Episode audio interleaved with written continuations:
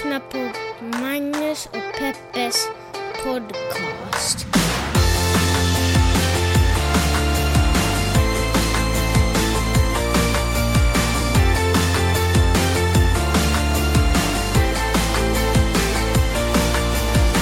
Hallå internet och hjärtligt välkomna hoppas att ni känner er till den här podcasten som heter Magnus Peppers podcast. Eh, en liten podcast där vi pratar om de stora... Det var jätte, nästan obehagligt. Ja, det var, det var verkligen mystiskt. Um, en lite, det här podcasten i alla fall, så då pratar vi om stora och små händelserna som sker omkring i världen. Och så gör vi det ur ett journalistiskt, feministiskt och mediegranskande perspektiv. Bra. Så är det. Gott nytt år! Gott nytt år. Ja, tänk, ni, vi, vi överlevde. Gud vad sjukt. Nu är det bara... Nu Vi är, kom så här långt, tänker vi du. har kommit så här långt och nu, nu är det bara att köra vidare. Ja. Kommer 2020 att bli bättre än 2019? Jag tror att man måste tänka så, att det blir bättre hela tiden. Mhm. Vet du vad? Tänk om man bara ska tänka att det blir annorlunda. Tänk om det blir bara press på att det ska vara så bättre eller sämre. Ja, Tänk om man slut... värdering i det liksom. Ja, för sen å andra sidan, för är inte det bättre och sämre, förlåt nu blir det här jättekonstig filosofisk diskussion här, men är inte bättre och sämre ändå bara perspektiv på skeenden? Förstår du vad jag menar? Och sen så kan jag också känna att man kan ha haft ett superbra vår och så blev hösten asdålig, eller du vet, tragedier eller vad som helst. Och då på något sätt färgar det hela året och så har man bara ett minne av att 2019 var ett dåligt år. Där det egentligen innehöll lite båda. Ja, nej, jag förstår precis vad du menar. Så jag, tänk om man bara tänker att i år blir ett annorlunda år. jag är ganska dålig på att tänka tillbaka överhuvudtaget. Vad hände? Det kanske skulle vara bra att analysera. Vad gjorde jag bra? Vad gjorde jag mindre bra? Vad vill jag ha mindre av? Vad vill jag ha mer av? Men eh, jag... eh, Var, var, vänta, skulle du säga att du lever i... Okej, nu har du ju delvis lite svarat på det, men i, i dåtid, nutid eller framtid? Var lever du? jag... Nej, men herregud, kattskrällen alltså. Vi måste, 2020 blir deras sista år. Ja, det får verkligen bli det. Ja. Jag tänker i, hemlighet så här, vi kanske... Vi kanske tar med dem till Sverige och sen kommer Och glömmer dem på planet. Ja, så glömmer vi dem. Ja, jag har ju glömt saker på planen förut. Ja. Ingen kommer märka. Okej, men eh, lever du i dåtid, nutid eller framtid? Jag eh, jobbar jättehårt på att uh, carpe diem. Och att leva i nutid? Ja. Okej, men det betyder att du egentligen lever i... Nu. Nej, nej, men du sa att du jobbar hårt på att leva, så tenderar du jag, att jag leva... tenderar att leva i framtiden. Jag Just lever absolut inte i det Så du är en människa som oroar dig mer? Ja, ja, ja jag, jag är inte speciellt eh, nostalgisk. Och det försöker jag jobba bort. Att all, all liksom sentimentalitet, sentimentalitet och nostalgi har jag aktivt försökt liksom få bort, för det gör mig liksom oftast ledsnare än glad. Mm. Så då tänker jag att åh oh, gud vad roligt, vad kommer att hända nu? Sen kan jag få panik över att livet går så fort, det bara, det bara liksom tröskar på. Och, eh, men jag tänkte att det enda botemedlet Mm. Men vad är paniken? Att du, ska, att du kommer dö? Eller vad är paniken? Att du inte hinner skriva en bok till? Ja, typ. Att jag inte hinner rida. Ja. du kommer få rida hur mycket som helst där sen i himmelriket, Peppe. Får jag det? Ja, jag tror men det. då är det okej. Ja.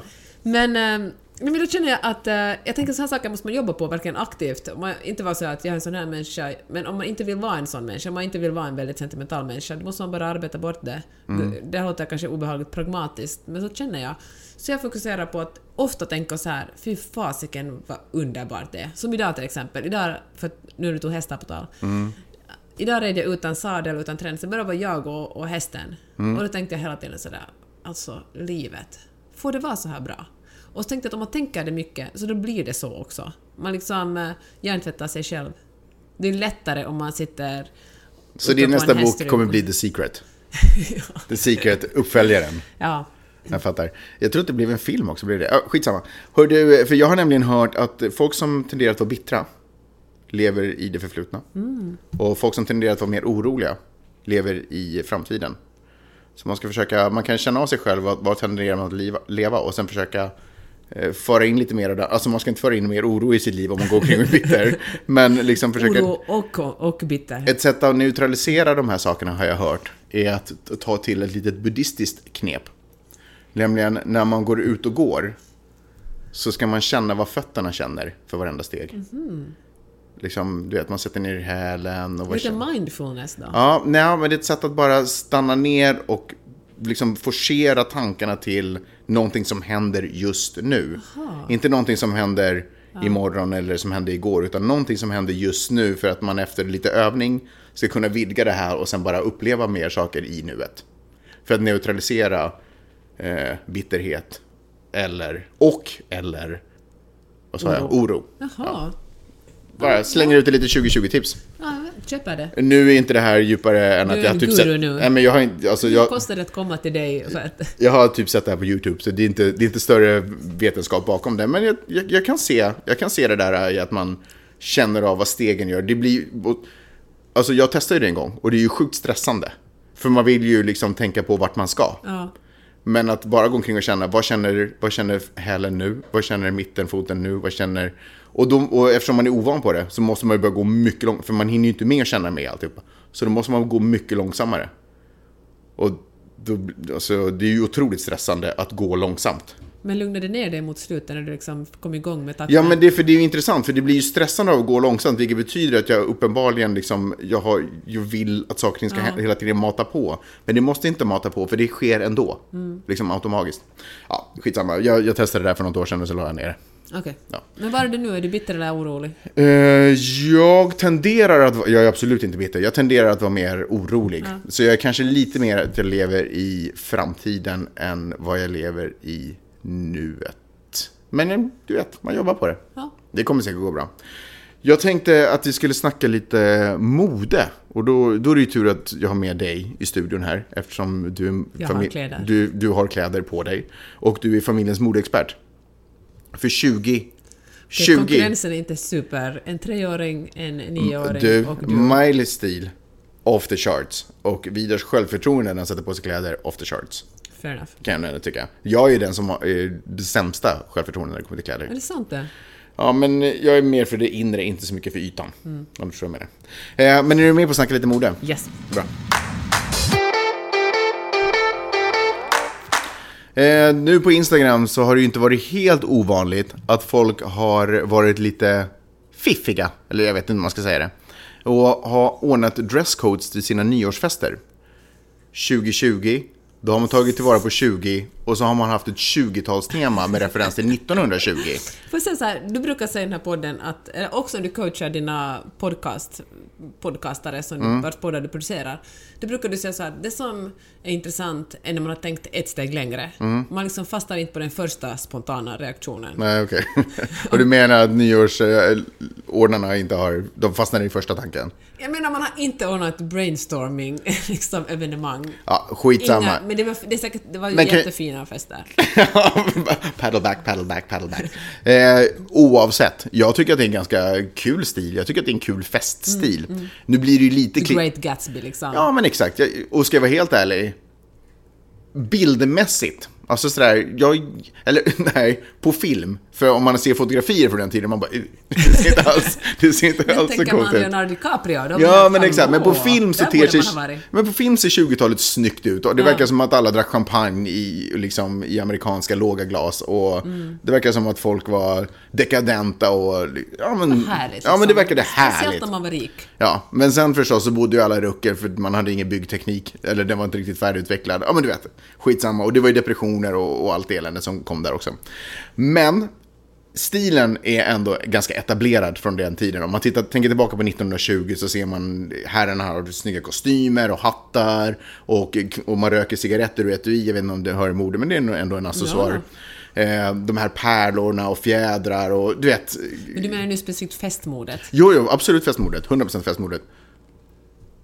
Också ganska snyggt det vardagliga modet. Alltså inte, framförallt killarnas tycker jag. Det är mycket väst och, och lite sådär. Och jag kollar ju på Peaky Blinders. Jag Inte tänker, sådär sluskar som folk är nu för tiden med nej, men det är säkert, byxor och... säkert skitiga kläder och hål i skorna. Men jag tycker... Dra upp byxorna min unge man! Ja, men jag tycker, ja, det finns någonting lite romantiskt. Det skulle ju vara väldigt konstigt att gå omkring så nu på gatan. Men det finns någonting, jag har en lite romantisk bild av det. Okej.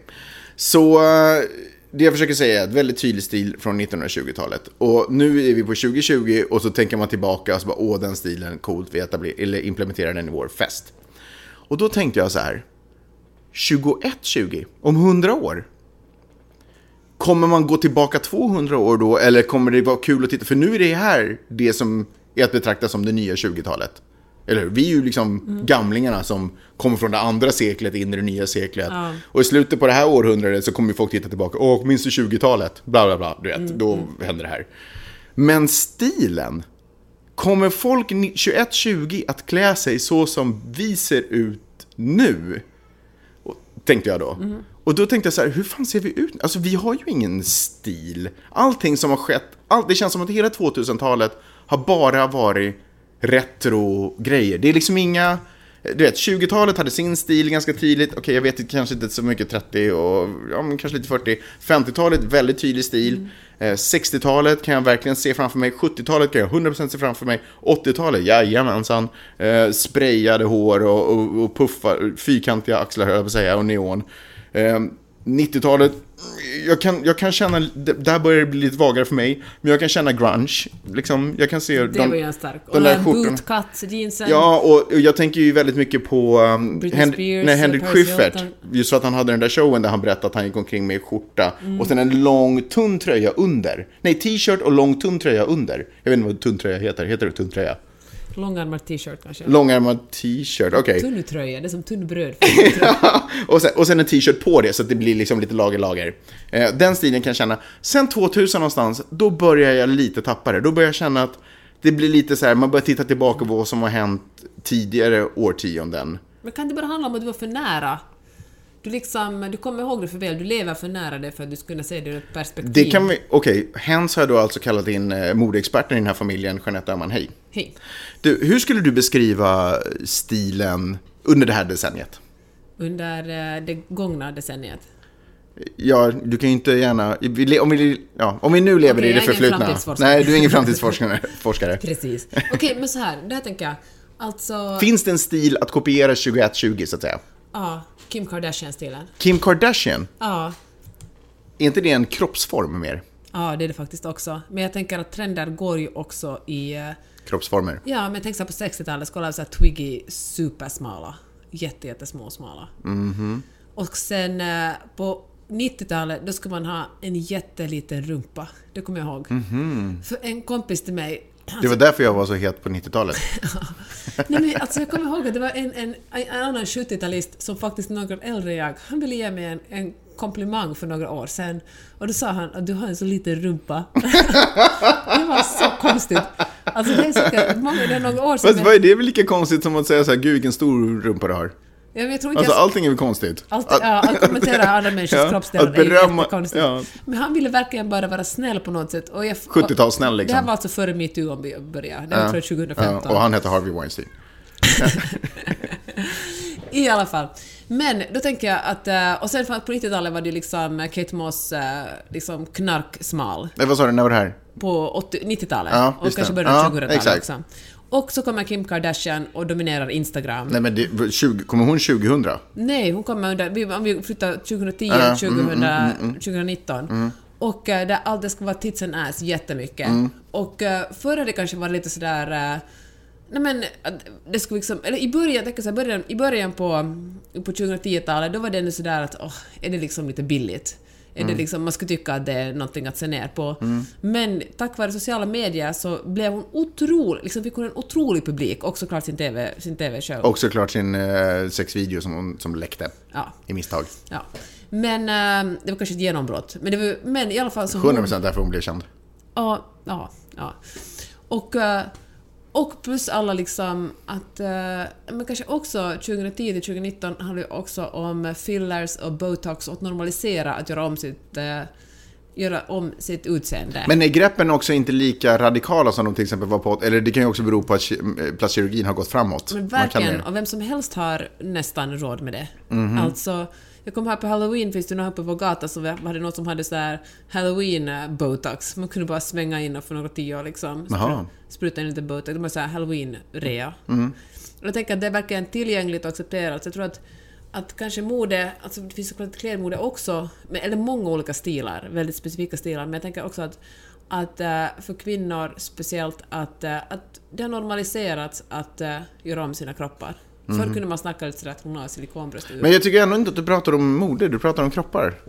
Ja, nej men thai, alltså en stil är ju Men modet är väl- Kardashian-mode också, otroligt tajt. Modet är väl liksom. också för att framhäva kroppen Ja, på något sätt. om man nu har satsat så otroligt mycket herrmodet tid och de här- pengar på det. Hur ser herrmodet ut det här decenniet? Ah, det är alltid väldigt tråkigt.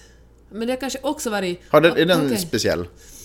Alltså, kanske män har funderat... Faktiskt män har alltid satt Tänk dig mycket- 80-talet, då ska man ha pannband eh, och, Men är inte här också nu liksom... Det och slitna jeans. Men är det här som ett TV... Ja, ja men liksom, det- någonstans är det väl det som... Det blir det väl...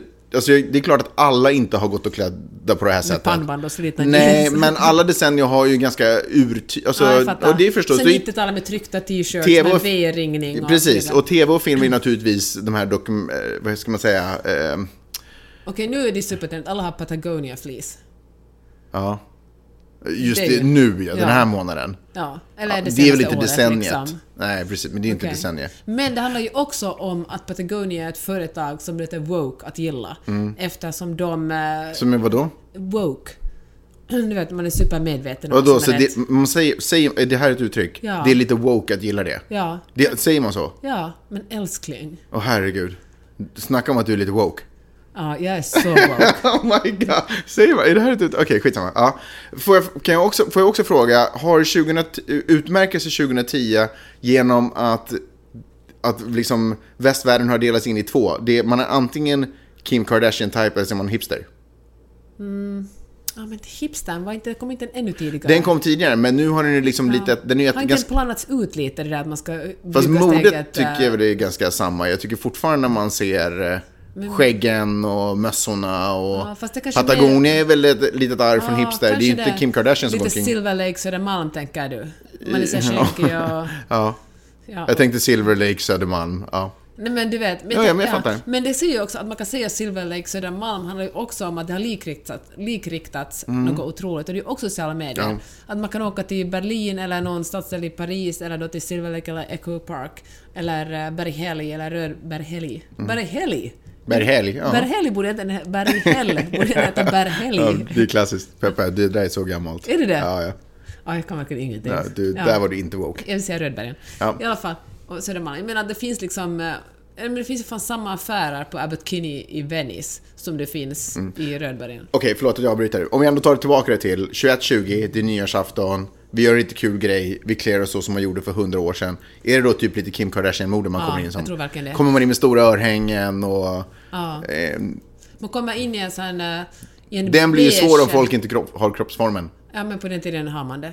Alla Ja, har det. ännu större ja. kanske. Men jag tänker så här, man kommer in med en sån, en sån kroppsnära klänning, nude-färgad. Alltså, och Kroppsnära klänning, ja. Nej, men som är supertight liksom. Ja.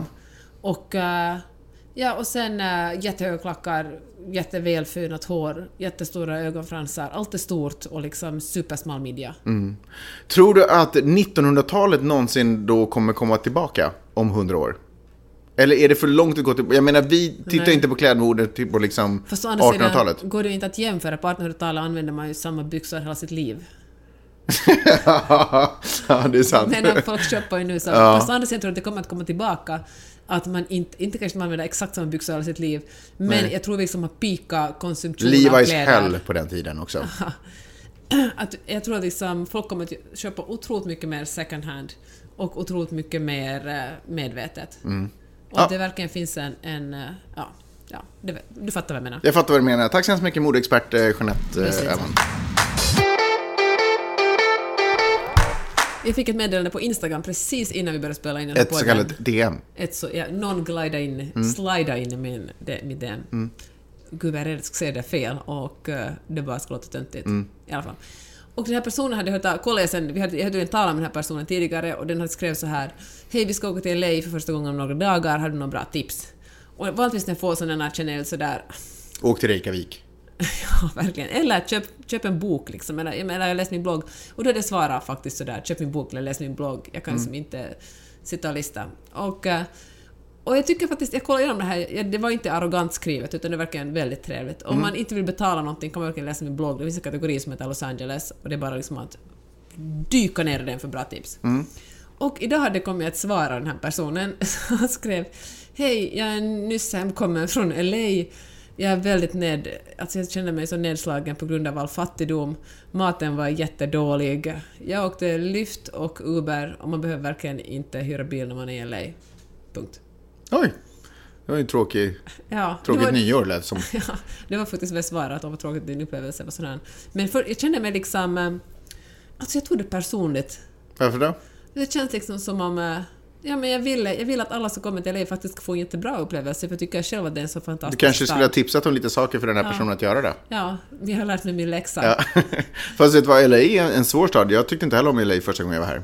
Det är en svår stad att, eh, att gilla. Och det är otroligt svårt sta- stad att hitta rätt i om man inte går på tips från personer som man litar på. Ja. Jag antar det. Ja, Eller man det kan, är ju det. det är ja, men för man kan liksom- inte promenera omkring och bara snubbla in. Det här är inte New York eller San Francisco. Man kan inte gå och, och så bara, åh, det här verkar vara en mysig bar, här slinker vi in. Eller, det här verkar vara en trevlig restaurang, här, här, här myser vi ner oss. Det går inte, för de, de finns inte. De, liksom, man åker till de ställena. Man vet vad de, man måste kan det veta. vara en hemlig dörr i liksom något som ser ut som ett industrikomplex. Så man måste veta var de finns. Så är det Ja. tyvärr. Ja, ja. Men, Men så ehm, jag menar, så det är helt onödigt att ta illa vid sig att folk inte har positiva vet, upplevelser. För det är ganska liksom- svårt att ha en positiv upplevelse i den här stan. det var ju ingen rationell känsla heller. Jag menar, ponera om att hon har rört sig mest kanske i downtown och snubblat Ja, och liksom rört sig i kvarteren runt, ja men, eller generellt downtown, men också sen hamnat runt kvarter vid Skid Row och liknande. Alltså då har man väl ingen positiv upplevelse i LA, då är det ju bara misär Ja. i den här stan. Men den här stan är ju, hur många miljoner bor i LA County? Ja, jag tror att det bor 15 miljoner här. Det är ju faktiskt en av de första sakerna, eller det tog lång tid för mig att fatta. Vi har säkert mycket smartare lyssnare än, än vad jag är. Men LA är ju alltså i, i och för sig också en stad, men det är framförallt ett county. Men när man pratar om LA generellt, i folkmun, så pratar man ju om länet, countyt LA. Eh, och det innefattar ju hela västkusten med Santa Monica, Venice, Malibu. Eh, och, och så innefattar det Beverly Hills och alla de här andra städerna som egentligen är Många av dem Självständiga städer. självständiga städer med, med egen brand, egen brandkår, Borgmästare, egen ja. borgmästare, eget liksom socialsystem nästan. Ehm, så man kan ju ha otro... Och alla de här städerna är ju otroligt olika i karaktär. Helt olika. Det är helt annan livsstil Mm. att hänga i Venice än, än att hänga i Santa Monica. Okej, ändå ganska nära, men ändå ganska olika. Eh, och det är helt annan livsstil att hänga i Malibu än att hänga i downtown. Det är liksom Mm. Två, eller i The Valley, det är liksom två, det är helt olika saker. Ja, så kan man Så man måste ju måste veta- research. Ja, så man måste ju veta var man ska landa i LA. Det, men så, så är det väl vart som helst. Alltså, jag ska åka till Tyskland, har du några bra tips? Ja, Ja. så jag vet inte. Gillar du skidor? Ja, vad vill du öl? göra? Vill du Ja. dricka vin vid eh, Alsace-området som kanske ligger i Frankrike? Men, eller vill du ha en stadsupplevelse någonstans i, Mm. inte vet jag. Jag kommer säga Berlin. så då är det jag det. Alltså, man måste ju läsa på, så är det ju. Då har man ju den Ja. bästa upplevelsen förstås. Okej, men det här leder mig faktiskt Ja, till en aha, annan grej. okej. För Jag tänkte bara, kan du droppa Ja. tre, tre, tre av de roligaste sakerna du, gjort, du har gjort eller sett i LA? Ja, lätt. Men Ja. det, jag tror det blir många liksom. Nej, men droppa jag tänker, tre. Om man kommer som turist i LA. Nej, droppa tre, du. Okej, jag droppar tre. Uh, men fan, jag rider ute i bergen, såklart. Alltså naturen här är ju otrolig. Att man kan vara högt uppe Mm. Det är i ju bergen. vildmark, kan vi säga det? Det är Ja. liksom inte parker Det är liksom i skallerormar, det är... Alltså man kanske inte stöter på dem varje gång. Nej. Men alltså det finns verkligen... Och så ser man hela Stilla havet och så är det så här rovfåglar som cirkulerar där omkring och så är det man så högt uppe så man kan se faktiskt hela vägen till downtown som ligger liksom Mm. 30 kilometer åt ett håll och ser man hela Malibu åt det andra hållet. Det är så... Och gillar man inte hästar kan man göra en hike, men det är verkligen... Jag tror att många tänker liksom storstad, finns ingen natur, men naturen här är ju otrolig. Mm. Och det är också natur att få åka ut på delfinsafari också. Ja, precis. förlåt, förlåt. Okej, maten. Det finns ju precis vad som helst man vill äta här. Maten är ju otrolig. Alltså, man kan åka till uh, Little Tokyo... är Men du ska ge tre okej. tips, herregud. Sitta på en, eh, en eh, Så ridsafari är en grej. Sitta på en takterrass på Nomad Hotel i downtown, eller Ja. Perch. Och takterrass in i downtown, ja. Och eh, vad skulle den tredje kunna vara? Ja men typ... Um, och äta fisktacos i Malibu. ja. Nej, åka till Nobu i Malibu. Nobu Malibu. Ja. Du tog ju nästan mina tre, så det behöver inte ens jag ge dem. Men jag skulle, en av mina favoriter som du inte har tagit med är faktiskt att åka på valsafari. Eller Ja. du nämnde det, men valsafari är Ja. faktiskt en av mina favoriter också. Så det finns nog saker att göra som är faktiskt underbara. Men sen också... Men så tror jag också folk åker till Hollywood Boulevard, de åker till liksom... Vad heter Jo, jo såklart, men när man är här första gången så vill man ju se de legendariska platserna. För det som jag också tycker är coolt med just den delen av stan, fuck, okej vi tar lite tid och bara snackar LA då. Men det jag tycker är coolt med den delen av stan är ju att det är ett levande popkulturellt museum. Om man till exempel är intresserad av musik eller popkultur generellt, Så då är det ju legendariska platser som finns där. River Phoenix dog på en toalett ett stenkast ifrån ett annat hörn där någonting annat fantastiskt har hänt. Eller Jimi Hendrix stod och spelade på den scenen. Samma scen som... Chateau Marmont, allt som har hänt där. Ja, exakt. Eh, Nej, men verkligen. Samma scen, men jag ska säga samma scen som Guns N' Roses har. Alltså, alla de här barerna och platserna finns och är liksom verksamma. Och, är- och inte alls sådär, och ingen kommer komma in, utan man står i kö och så kommer man in. Eh, Så det är liksom, det är massa sådana, eller stand-up eh, comedy-klubbarna som finns där, där fortfarande stora stjärnor kommer och testar, kör sitt material. Ja. Liksom det, allt det här finns och så det är ju... Och det är så tillgängligt liksom. Det är så otroligt tillgängligt. Och det är klart att om man kommer två dagar, man bokar en standupklubb så kanske man inte får se eh, någon kändis.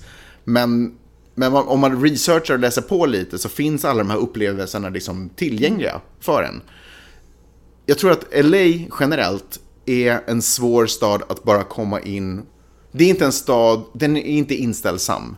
Jag tror att om du ska tycka om den här stan så måste du veta, och det, jag tror att det handlar också om att man ska flytta hit. Jag tror att det är svårt att komma hit och här upptäcka sig själv eller finna sig själv. Jag tror att den här stan kräver att du vet vad du tycker om och är intresserad av. För om du är intresserad av någonting eller tycker om någonting, då kan du förlora dig i det. Vare sig det handlar om matkultur, vare sig det handlar om etiopisk mat, om du, eller, eller japansk mat. Little Tokyo är ju liksom en ett, ett enormt stort område med massvis med bra mat, otroligt genuint liksom. Eh, japansk genuint. Eller om du är intresserad av musik eller konst eller vad som helst. Eller surfing The eller... Getty, jag menar, de Ja, ja. konstmuseerna här är ju otroliga. Eller om du är fysiskt aktiv och vill hålla på med träning. och liksom- Alltså allt, liksom, det finns så otroligt mycket. Men man måste liksom veta vad det är man vill pyssla med. Att bara komma hit och se LA blir väldigt flyktigt. Liksom. Så det är mitt tips. Know your shit. Det finns alltså jättegod mat i LA, både jättedyr god mat och jättebillig Jag god tror att vi mat. sa det i det förra segmentet. Så här. Ja, men du behöver inte korrigera mig för nu kör jag in i ett nytt intressant segment. Oj, Och då frågar jag dig, vilka mattrender har man sett liksom råder just nu? jag har ingen aning. Nej men om du bara, liksom, du, behöver inte, du behöver inte säga en specifik maträtt, men liksom, om du ser det senaste 10-talet, vad hade... Oh, gud, jag hatar ju själv faktiskt såna tillbakablickar och framåtblickar. Vi tar en kortis, för jag tyckte faktiskt den här var ganska intressant.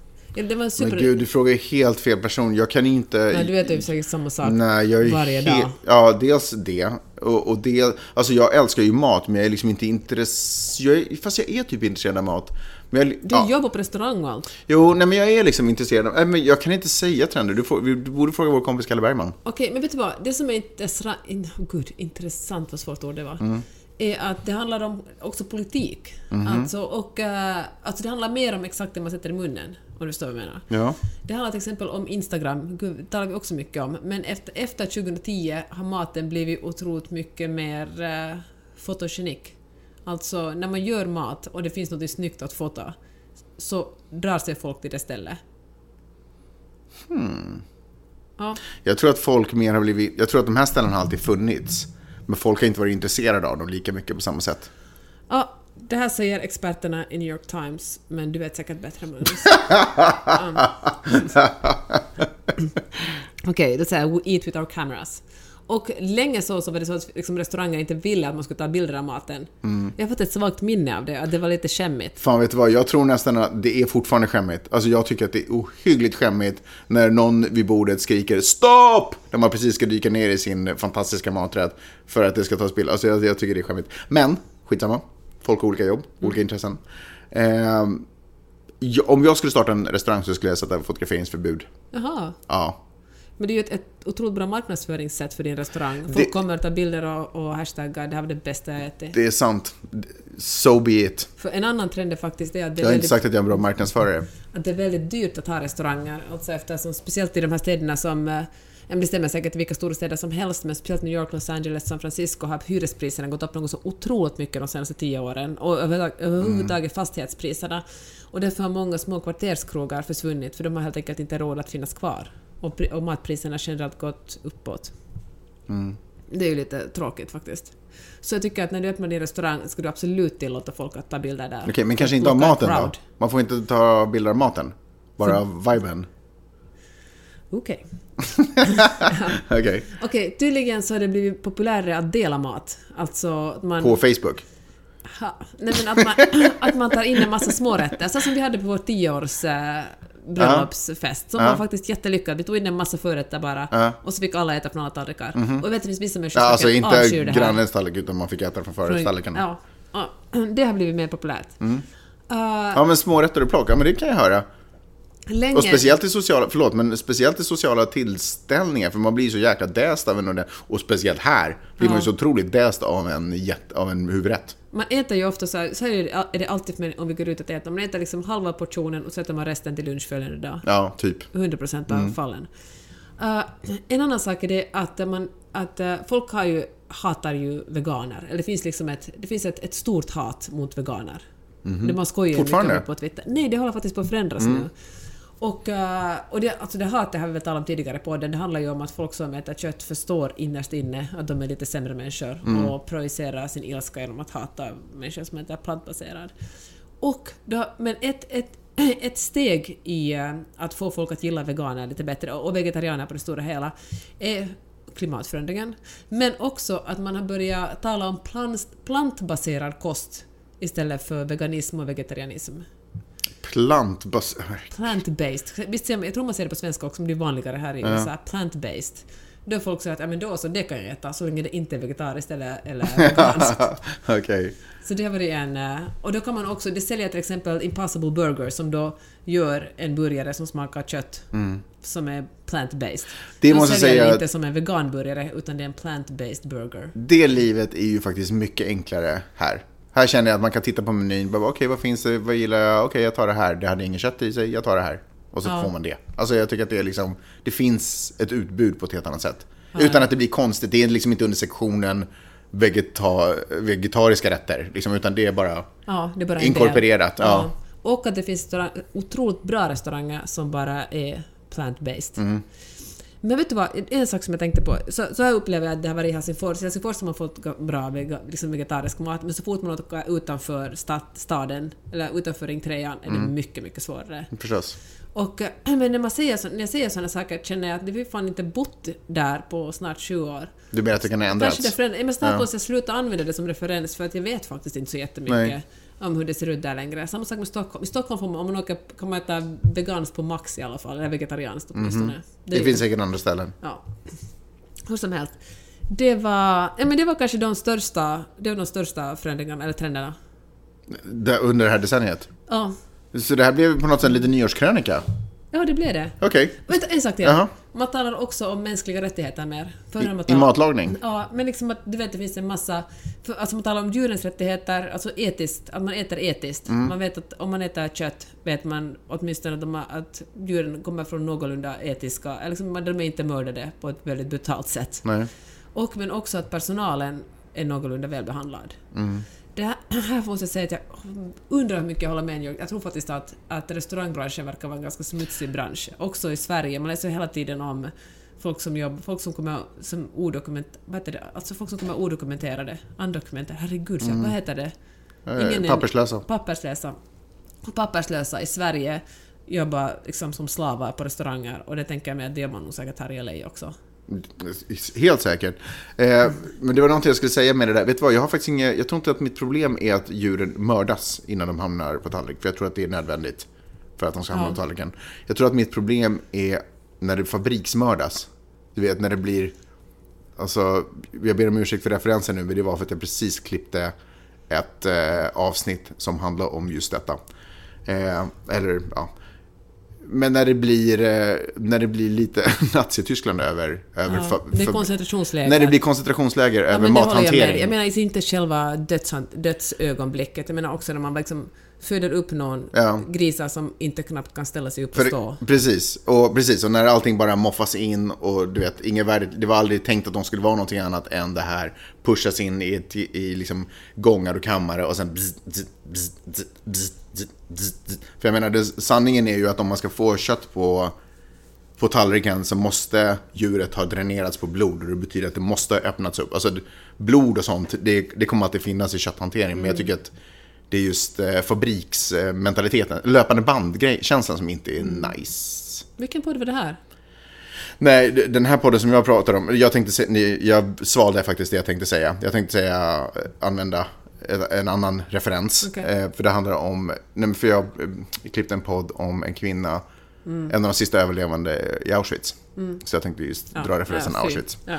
Ja, skitsamma. Ehm, ja, men spännande. Tack Peppe. Eh, Modeexpert Peppe och nu eh, mat... Eh, Välkommen. Magnus, Magnus Peppes podcast Matkrönikör. Peppe. Vem kunde tänkt sig det? Jaha. Världen är on fire. Eller i alla fall... Ja, Australien. Ja, i alla fall just nu Australien, men det brinner ju hela tiden. Överallt, känns det som. Ehm, men just nu så är det Australien som drog det, den längsta stickan. Eller det kortaste strået. Ja. Beroende på om man kan svenska eller inte. Eller hur tävlingen, hur lotteriet är upplagt. Ja, om man bara byter, byter reglerna för... jag försöker prata om en allvarlig sak här. Förlåt. För jag tycker att det är, du vet, jag- satt och, du vet, man går igenom sitt nyhetsflöde, man försöker hitta vad vi ska prata om i den här podden. Och då är det naturligtvis, eh, det är ju det det pratas Mm. väldigt mycket om. Eh, Det brinner ju, alltså de la Australiens karta över USAs karta. Och då, fick man, och då får man lite begrepp om områdena som är, alltså vi snackar om att oj, det, det brann jättemycket och det Det var... brann i Brentwood liksom. Men de här, det här är ju helt sinnessjukt. Men det bor ju inga människor typ där. Alltså jag menar det är så... Alla, alltså en miljard djur. Jo, precis. Ehm, Alltså koalorna är utrotade snart. Ja, Ja, det finns några på bild fortfarande. Eh, som, som folk skickar stickade mössor till dem för att de ska hållas varma för de inte har någon päls kvar typ. Ja, det är hemskt i alla fall. Eh, Alltså det är inte sjukt att folk skickar mössor åt dem. Pussy hats. Eh, Men i alla fall, nej men det är, så, så det är ju liksom vidrigt. Och det är ju inte svårt att tänka sig att det är klimatförändringen som gör att det blir så galet liksom, och så otroligt vilt, både här och där. Eh, och en annan stor grej som naturligtvis upptar nyhetsflödet är ju eh, att Donald Trump helt plötsligt sprängde upp den där eh, iranska generalen. Soleimani. Eh, och nu är liksom Iran och Irak inte bara på, alltså, fly förbannade typ på krigsstigen. Alltså, och det kan man ju fatta. Alltså, när en annan land går in och fuckar med ens egen suveränitet och bestämmer så här tydligt vilka som ska sitta i makten. Eller försöker påverka det. Då blir det ju, det då blir det ju konstigt. Liksom. Att det inte ens gjorde som på film, att det var lite stealth, du vet. Och så man bara, nej det var inte vi. Jag vet inte, Nej, kan man precis. inte bara på något sätt De bara “We got him” liksom. Ja, nej, men superobehagligt. Jag menar, jag tycker inte att någon ska dö, men nu är det så här, "Åh, fan, var det, här- det här var inte så jävla bra. Liksom. Vad, jag tror att det är faktiskt ett problem här. Att eh, man kan, han var ju uppenbarligen ingen god person. Trump. Nej, men alltså Soleimani. Det beror ju på vem man frågar. Det beror på, det är klart det, men så det gäller Trump också antar jag. Men jag tänker att världen är så mycket mer komplex att det att, man, att han mördades kanske har större konsekvenser för också amerikaner, eftersom Amerika, amerikaner bara tänker på amerikaner. Så det kan ju ha större konsekvenser faktiskt för fler amerikanska medborgare än om han hölls vid liv. Jo, för det, för det är ofta så att galna människor inte ersätts av fantastiskt goda och trevliga människor, utan då ersätts de av nummer tre. Men Och det är ju människor på samma riktlinje. Pence liksom. Ja, exakt. Det blir ju det blir inte nödvändigtvis alltid bättre. Och, och den situationen står man lite inför nu. Och det här skedde på irakisk mark dessutom, så då har man också gjort irakerna fly förbannade. För de tappade också någon högt uppstående person. Jag kommer inte ihåg vem det var, dessvärre. Eh, och så nu röstade då alltså Irak i, i parlamentet igenom att USA måste lämna sina trupper.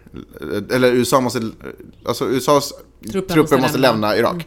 Eh, och om de inte gör det, då blir de en ockupations... Eh, maktnärvaro. Alltså så. Och det är ju inte så sweet situation att vara i.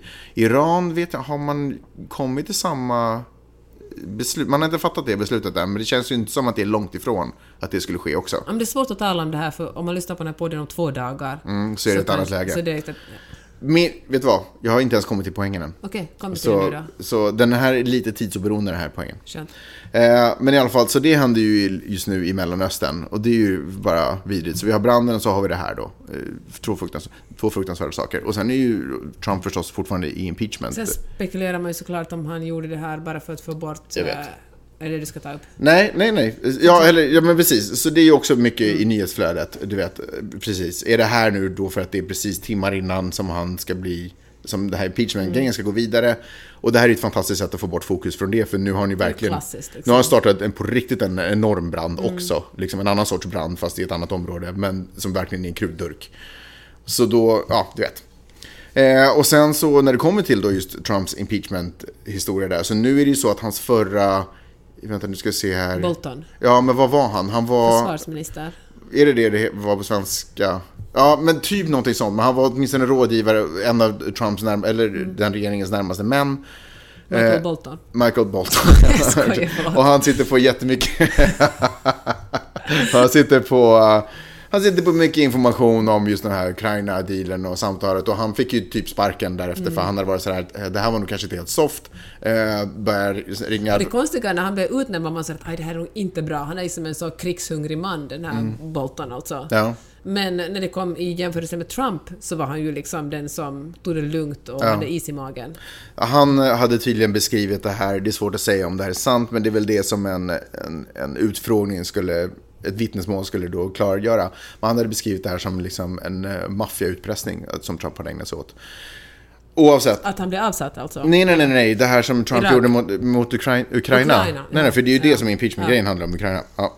Så allt det här kaoset pågår just nu i världen. Det är säkert en massa andra kaosgrejer. Zlatans staty blev vandaliserad. Igen. Ja, men ändå ganska grovt vandaliserad för det var ändå så här Mm, gallrep runt halsen. Du vet, både lägenheter i Stockholm. Ja. Du vet, det händer skit i världen liksom, som på riktigt är intressanta och som behöver ses över, observeras och diskuteras och på något sätt sådär. Då stör det mig, och jag kan inte beskriva hur mycket det stör mig att Golden Globe pågår. Eller att det har gått samtidigt. För när jag sitter och läser de här viktiga sakerna, du vet, världen brinner. Och sen så, så dyker det massa upp massa annat skit som handlar om Golden Globe och bilder på Brad Pitt som står Alltså, det är så otroligt irrelevant med Golden Globe just nu i den här tiden som vi lever i. Så då känner jag så här, när det är så här mycket som pågår just nu, när världen lite är i brand, kan man inte bara ställa in det ett år? Är det så otroligt viktigt? så här som Nobelpris i litteratur. Ja, men jag menar, är det så otroligt viktigt att alla de här stjärnorna får samlas och diskutera och sen ha ett litet ögonblick där de pratar om typ viktiga saker? Alltså är det så otroligt viktigt att det här ceremonin ska göras? För den känns, jag tyckte att i mitt ny, när jag satt och gick igenom mitt nyhetsflöde, Ja. flöde, så då, då kändes det, vad är ordet, när det bara, det är osmakligt att det här dyker upp nu. Du vet, i, i, mellan, mellan swipe på eh, brinnande Australien, eh, mord, liksom... Eh, Jag förstår vad du menar, men kan man tänka så här, för det första kan ju två saker få existera samtidigt. men jag säger inte att vi stänger ner kultur nu, nu får Men- Spotify inte verka. Jag säger stäng ner en gala. Kul att du var, använde kultur... Nej men jag menar inte att vi bara säger nu får vi inte lyssna på musik Nej. och skratta och ha kul. Nej, men- det är inte det. Nej, jag fattar det. Men kan man tänka så här då, handlar det om journalistiken då? Är det verkligen viktigt att rapportera så otroligt mycket om det? Alltså jag tycker nu, alltså Fast ska vi helt ärliga. dina algoritmer som säger att du är Jo, men, så, nej, men så här på, jag får ju en, eller så här brukar jag göra. Jag, har, jag följer många av tjänsterna som jag vill få ut nyhetsflöden på Instagram. Så då får jag liksom lite så här headlines på vad det är jag vill gå in och sen titta på Ja. liksom den riktiga källan i. Och då är det naturligtvis väldigt mycket så här, du vet, People Magazine och allt sånt här skit. Så de, förstås så är det ju de som rapporterar om det här, för det är ju typ deras jobb. Men det är så bara, det känns... Nej, jag fattar det. Kontrasterna jag bör- blir för skarpa. Jag börjar typ avfölja de där äh, nöjes... äh, För Fast det, det fick de. Nej men för det, ja, nej men det är inte det, men det bara kändes så... Det är så... Det blir så konstigt. Det är som att, tar inte ni det här... Kan ni ta en paus? Det är typ tragedi som pågår.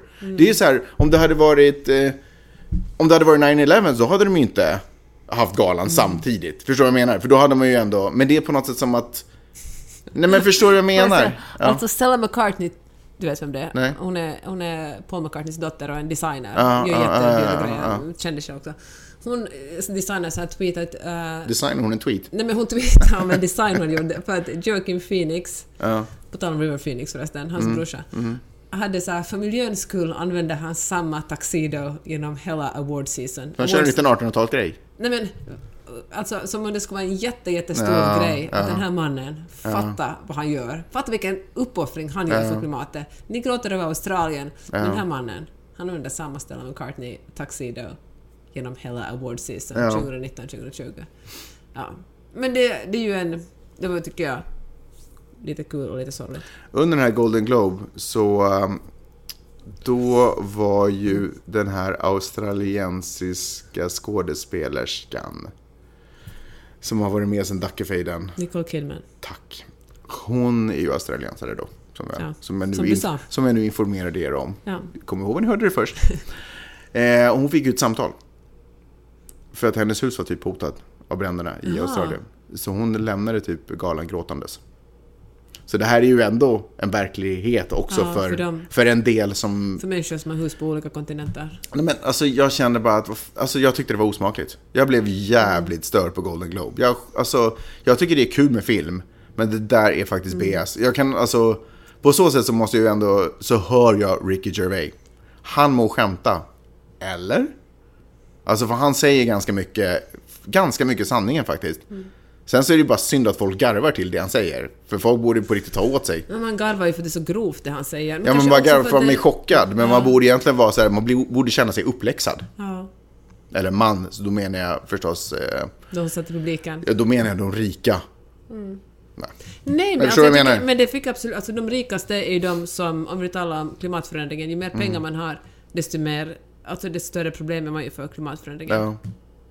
Så, Ja, nu har vi ju själva ägnat massa tid åt mode och, och grejer i det här avsnittet. Så det blir ju lite konstigt. Men det är ju egentligen bullshit jämfört med vad, som, vad vi behöver fokusera på. Alltså vi har ju en naturkatastrof. Liksom, kan vi inte bara foka på hur vi löser den istället för hur vi löser nästa Karlaklänning?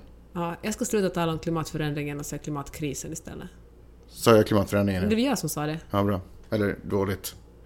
Ja, är det ditt nyårslöfte? Ja. Mm, skönt. Ja, det var...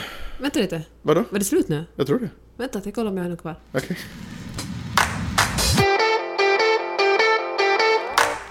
Många här i USA har ju grov ångest inför 2020 eftersom det är valår. Och, eh, inte, Mhm. De borde leva mer i nuet. Ja. Börja gå långsamt och känna era fötter. Ja. Men de känner kanske att de måste agera på något sätt. Mm. I eh, november väljs ju USAs nya president och det ser ju ganska bra ut för Donald Trump. Mm. Och nu när man har forskat och, och, och sett hur Facebook påverkade valet eh, 2016 så hade ju satts en hel del tryck på Facebook. Mm. Och eh, de har till exempel lovat att förbjuda deepfakes, som är så här när man... eh, Ja men, eh, du vet vad det är, deepfakes? Nej. Ja men det är när man ändrar någons... eh, Och, någon, du ser, och du talar på en video och så kan man ändra så att du säger något helt annat än det du egentligen sa. Mhm. Och... eh, Räknas Nancy Pelosis, Ja. att det drogs ner på tempot så att hon lät full när hon Ja. pratade? Och, eh, men då ser man så att det här är liksom bara... Ja, men det här är bara kosmetik för Facebook. De säger att de fixar någonting, men egentligen är det pyttelite saker. Det finns en massa andra sätt att, Mm. eh, att, manipulera, att manipulera bilder och, och videon på liksom, som Facebook helt struntar i. Alltså de vill ju bara göra pengar såklart. Och, eh, och då... Men kan man ens styra sånt? Alltså är det inte orimligt krav? Alltså, går det att hålla Förstår du hur många miljoner människor som, det är säkert över en miljard människor som, som eh, har tankar och skriver saker på Facebook hela tiden. Hur fasiken ska de kunna kontrollera allt det som skrivs? Fast de måste väl ha ett sånt här användaranmälningssystem? Men det har man väl redan? Att Ja men det hjälper ju inte heller. Folk Nej, använder lite högre... ja, liksom, Jag fattar, de videorna de rör sig i en grupp som tror att det är sant och som Ja, får bekräftelse för det sina går ju egna. inte.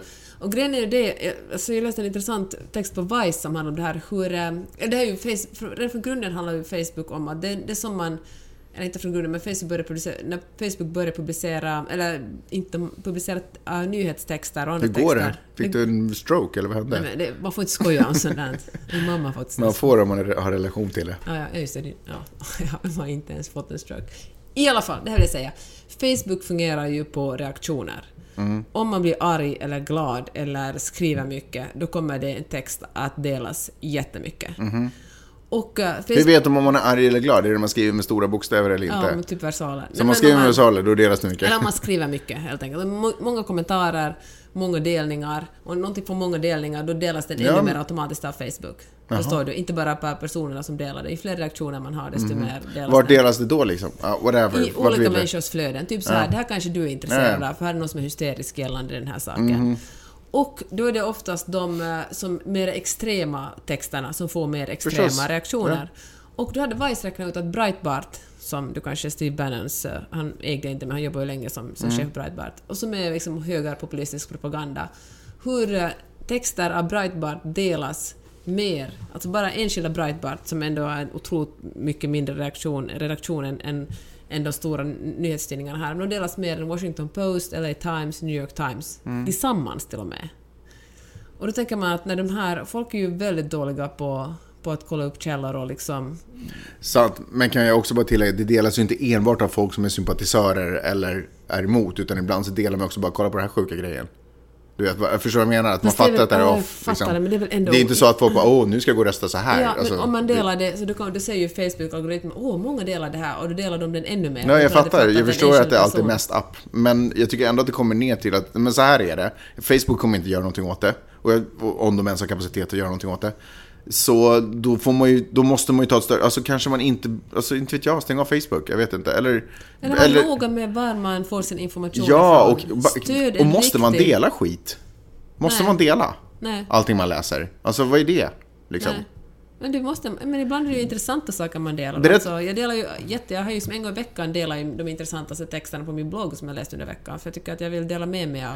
Jo men det, ja, är det en annan sak egentligen? Mm. Du är ju Och det är ofta Breitbart. Du är ju mer vänster, nej men du är kanske mer då istället vänsterpopulistisk. Fast det där tycker jag också är ett fel. Att, då? att något som är direkt högerpopulistisk propaganda jämföra det, sätta det liksom Breitbart på ena sidan och New York Times på andra sidan. Det är ju att överskatta Breitbart Ja det kanske, men nu var det ju dig jag pratade om, jag pratade om din blogg, inte New York Times om du ursäktar.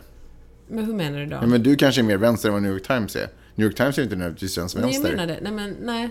Men först, förlåt, nu fattar jag inte. Ja, jag menar att det du delar skulle vi kunna se som vänster... riktat, liksom, skulle, som ja, är vinklat skulle, på något ja, sätt. skulle vi kunna se som vänsterpropaganda. För de artiklarna tycker du verkar intressantast. Ja, fast jag försöker dela från väldigt etablerade nyhetsmedier. Mm. Ja, ja. Inte från liksom populistisk propaganda. Nej. Okej. Ja. Ja, det var det. Bra. Eh, vä- vänta, vad var, så vad var summa summarum här då? Nej men alltså, jag känner bara ångesten inför att Facebook kommer, också så här, i en mening alltid just sa, Mm. Facebook kommer att fucka upp nästa val också. Ja, okej. Så då är det... Och Trump spelar Facebook bäst just nu, så då är det Trump som vinner? Ja. Okej. Men Bloomberg då? Mm, Han är, alltså fan, ska han hinna med verkligen?